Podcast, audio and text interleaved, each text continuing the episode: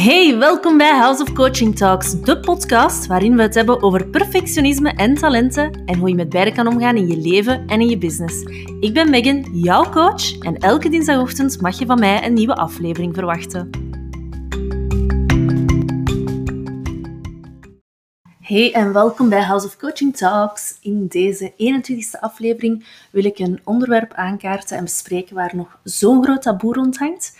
En dat is het onderwerp van eetstoornissen. Nu, waarom wil ik daar zo graag een aflevering rond maken? Wel, laat me misschien beginnen met te zeggen dan hoe dat ik onderwerpen bedenk voor mijn podcast. Een beetje atypisch, denk ik, eh, tegenover andere mensen met een podcast, maar bij mij komt dat on the spot. Wat op dat moment leeft, daar spreek ik over.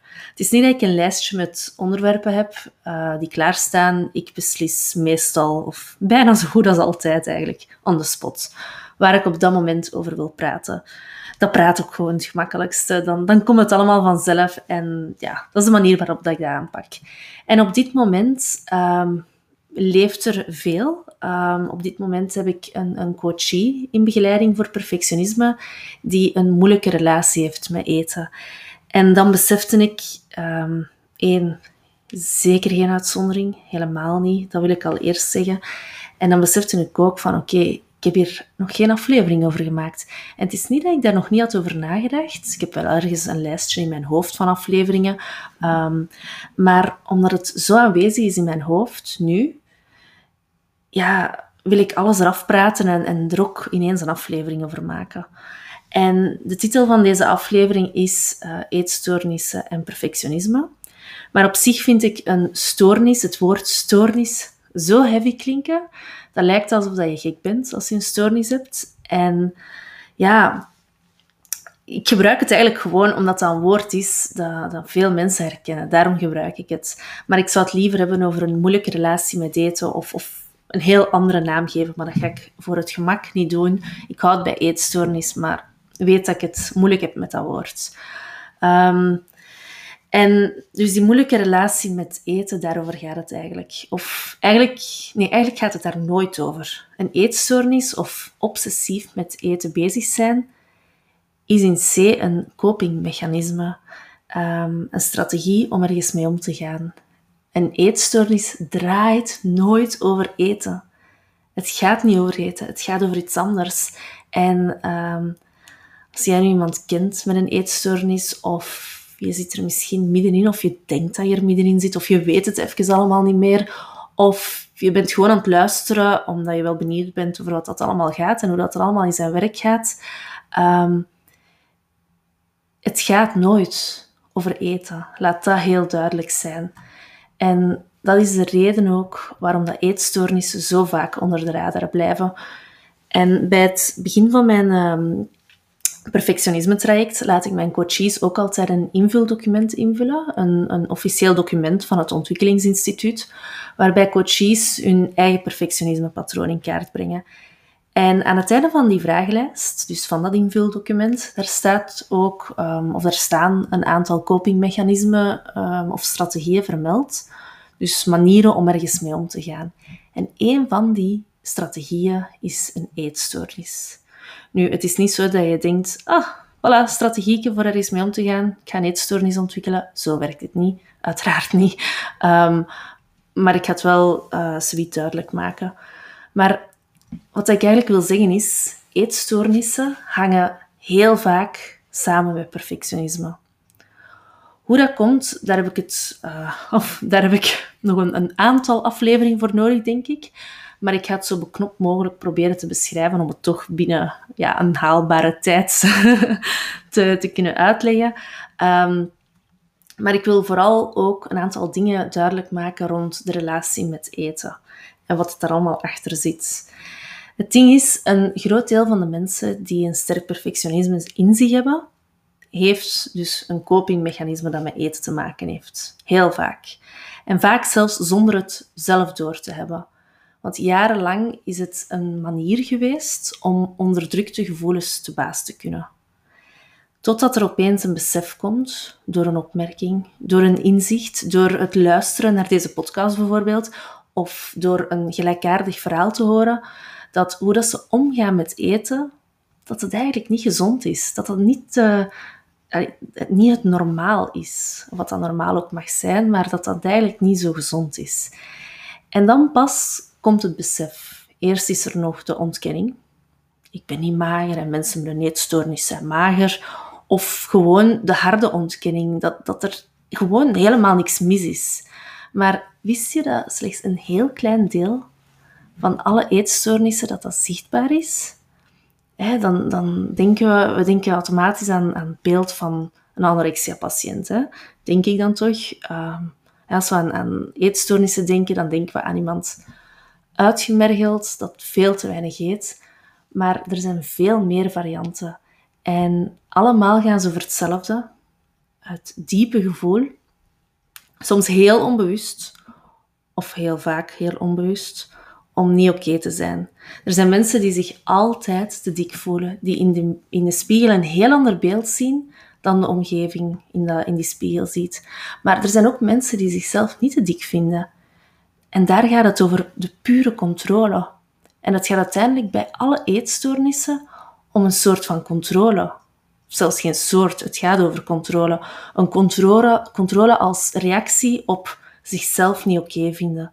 Of een deel van zichzelf niet oké vinden.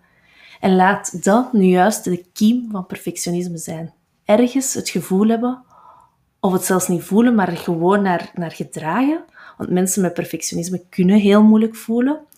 Dus het, het, er zich naar gedragen dat ze zich precies moeten bewijzen. Dat ze niet goed zijn hoe dat ze zijn. En eten helpt daarbij. Of toch eventjes. En dat is niet zo verwonderlijk als we zo een beetje teruggaan in de tijd, omdat we, we eten al van, van, allez, ja, van het moment dat we uit de buik komen, zetten we eten in voor allerlei redenen. Redenen die niet alleen te maken hebben met honger. Als je terugkijkt naar hoe dat jij als kind was, of hoe dat onze kinderen in de maatschappij opgroeien, als we bijvoorbeeld als kind vielen en, en ons pijn deden, hoe worden dan vaak getroost van, ja, hier, hup, me eten, hier, neem een snoepje, hè, dan zal het wel snel beter gaan. Allee, kom, hè. Oh, zalfje op de knie en hier, snoepje, dan voel je snel beter. En wat doen veel onder ons vandaag als we onszelf willen troosten? Bijvoorbeeld na een zware dag of, of weet ik veel wat. Yep, die pot Ben Jerry's uitlepelen, dat glas rode wijn inschenken om de zenuwen te kalmeren, chocolade eten, um, weet ik veel wat. Het is zo aangeleerd. We kennen niet beter. En omgekeerd ook, hè. Ah, Sarah'tje, maar jij hebt goede punten gehaald op school, hè. Ah, nu mogen jij een zak snoep gaan halen in de kruidvat. Of er is iemand jarig en die, die trakteert. En ja, het, het gaat altijd over eten. We koppelen dus naast troost ook beloning aan eten. En als jij vandaag iets te vieren hebt, hoe vaak gaat dat niet gepaard met eten en drinken? Als je daar eens echt over nadenkt. Yes, deadline geknald. Dat gaan we nu vieren met een goede cocktail. Examens gedaan, vieren met alcohol, promotie gedaan, vieren op restaurant, enzovoort, enzovoort. En pas op, hè. totaal no judgment hier. Ik ben de laatste om hier een oordeel over te hebben. Het voorbeeld van de Ben Jerry's en de rode wijn komt van ergens. maar ik kan, nee, ik kan zelf dus ook heel hard genieten ervan. Maar ik probeer gewoon de, ja, een beetje uit te leggen van waar dat zo'n dingen komen. Maar wat ik wil zeggen, is dat eten, al van zodra dat we uit de buik komen, gekoppeld wordt aan emoties. De baby weent, eten. En ja, oké, in het begin gaat het uiteraard over honger. Maar als de baby al een peuter wordt, hoe vaak troosten we dat niet met een koekje als het weent? Of als het, als het gewoon aan het wenen is voor iets helemaal anders, hoe vaak geven we, dat, geven we dan niet gewoon eten? Eten om te troosten. Dus we hebben eigenlijk als kind af geleerd om eten aan emoties te koppelen. En bij perfectionisme, daar waar de emoties onderdrukt worden, omdat het hoofd het voor het zeggen heeft, daar kan dan op, op zo'n moment een verstoorde relatie met eten ontstaan. Emoties in het lichaam die zijn er, die blijven aanwezig. Dat is gewoon een deel van u. Maar iemand met perfectionisme, die heeft die zo weten te onderdrukken, die leeft zo in het hoofd, luistert alleen naar het hoofd, niet naar het lichaam. Die weet zelfs niet dat het lichaam ook eisen heeft. Dat de enige manier om in contact te komen met die emoties eten is, of met eten bezig zijn is. Controle hebben over eten, alsof dat controle over emoties is. En daar ziet, allez, daar zit zo goed als altijd de kiem voor een eetstoornis. Het niet kunnen dealen met emoties. En dan een manier vinden om er toch mee te kunnen omgaan. En er bestaan verschillende soorten hè, van, van verstoorde relaties met eten. De meest bekende kennen we allemaal, of de meest gekende, ehm, dat is anorexia. Waarbij dat er zo obsessief gelet wordt op de calorieinname dat er nog amper voedsel naar binnen komt. Maar er zijn er ook heel veel andere die niet zichtbaar zijn. Denk maar aan bulimia. Mensen met bulimia braken na het eten. En soms gaan ze ook grote hoeveelheden gaan eten, gaan pinchen heet dat dan. Om dan te gaan braken of te gaan laxeren. Eerst dus comfort zoeken in voedsel. Dus, eh, vanuit een troost of vanuit ja, een controle, maar dus controle over emoties, over de emotie troost ook. Om daarna het schuldgevoel letterlijk te gaan doorspoelen om zich terug oké te gaan voelen. En dan, ja, dus dat zijn, dat zijn de twee gekendste, denk ik, zowel bulimia, anorexia, of toch het meest gekende bij het grote publiek. Maar dan hebben we ook BED of binge eating disorder. En dat sluit voor een deel aan bij bulimia. daar gaat de persoon ook heel grote hoeveelheden eten.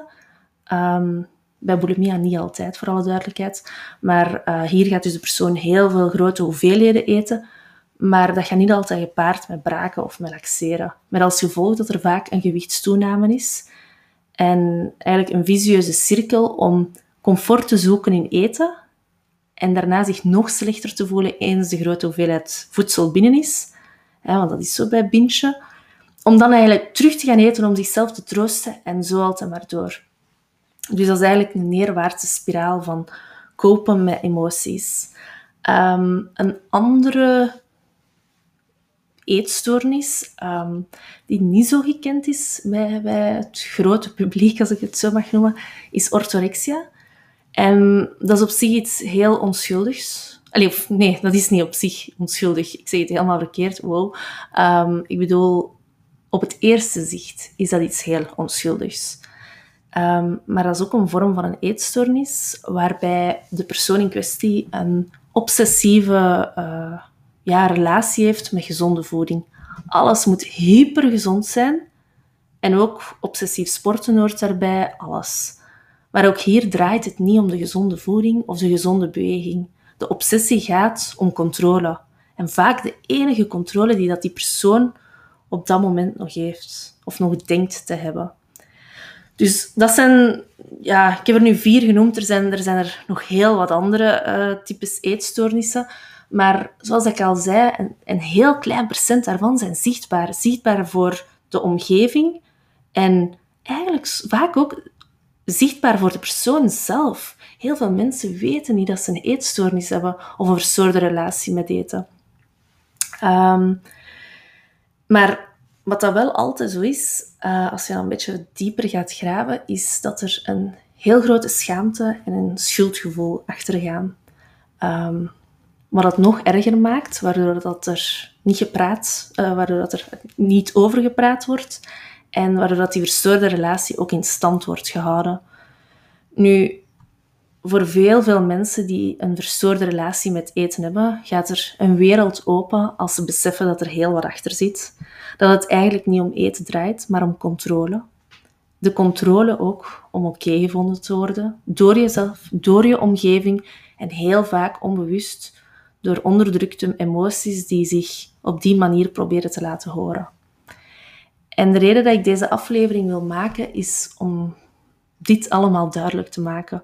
Om ook te laten voelen dat als jij er nu mee struggelt, of jezelf hierin herkent, of dat je er meer over wilt weten, dat je niet alleen bent. En dat je je niet hoeft te schamen. Dat vooral. Dat er een mogelijkheid is om hieruit te geraken. Hoe uitzichtloos dat de situatie ook mogen zijn op dit moment, you're not alone.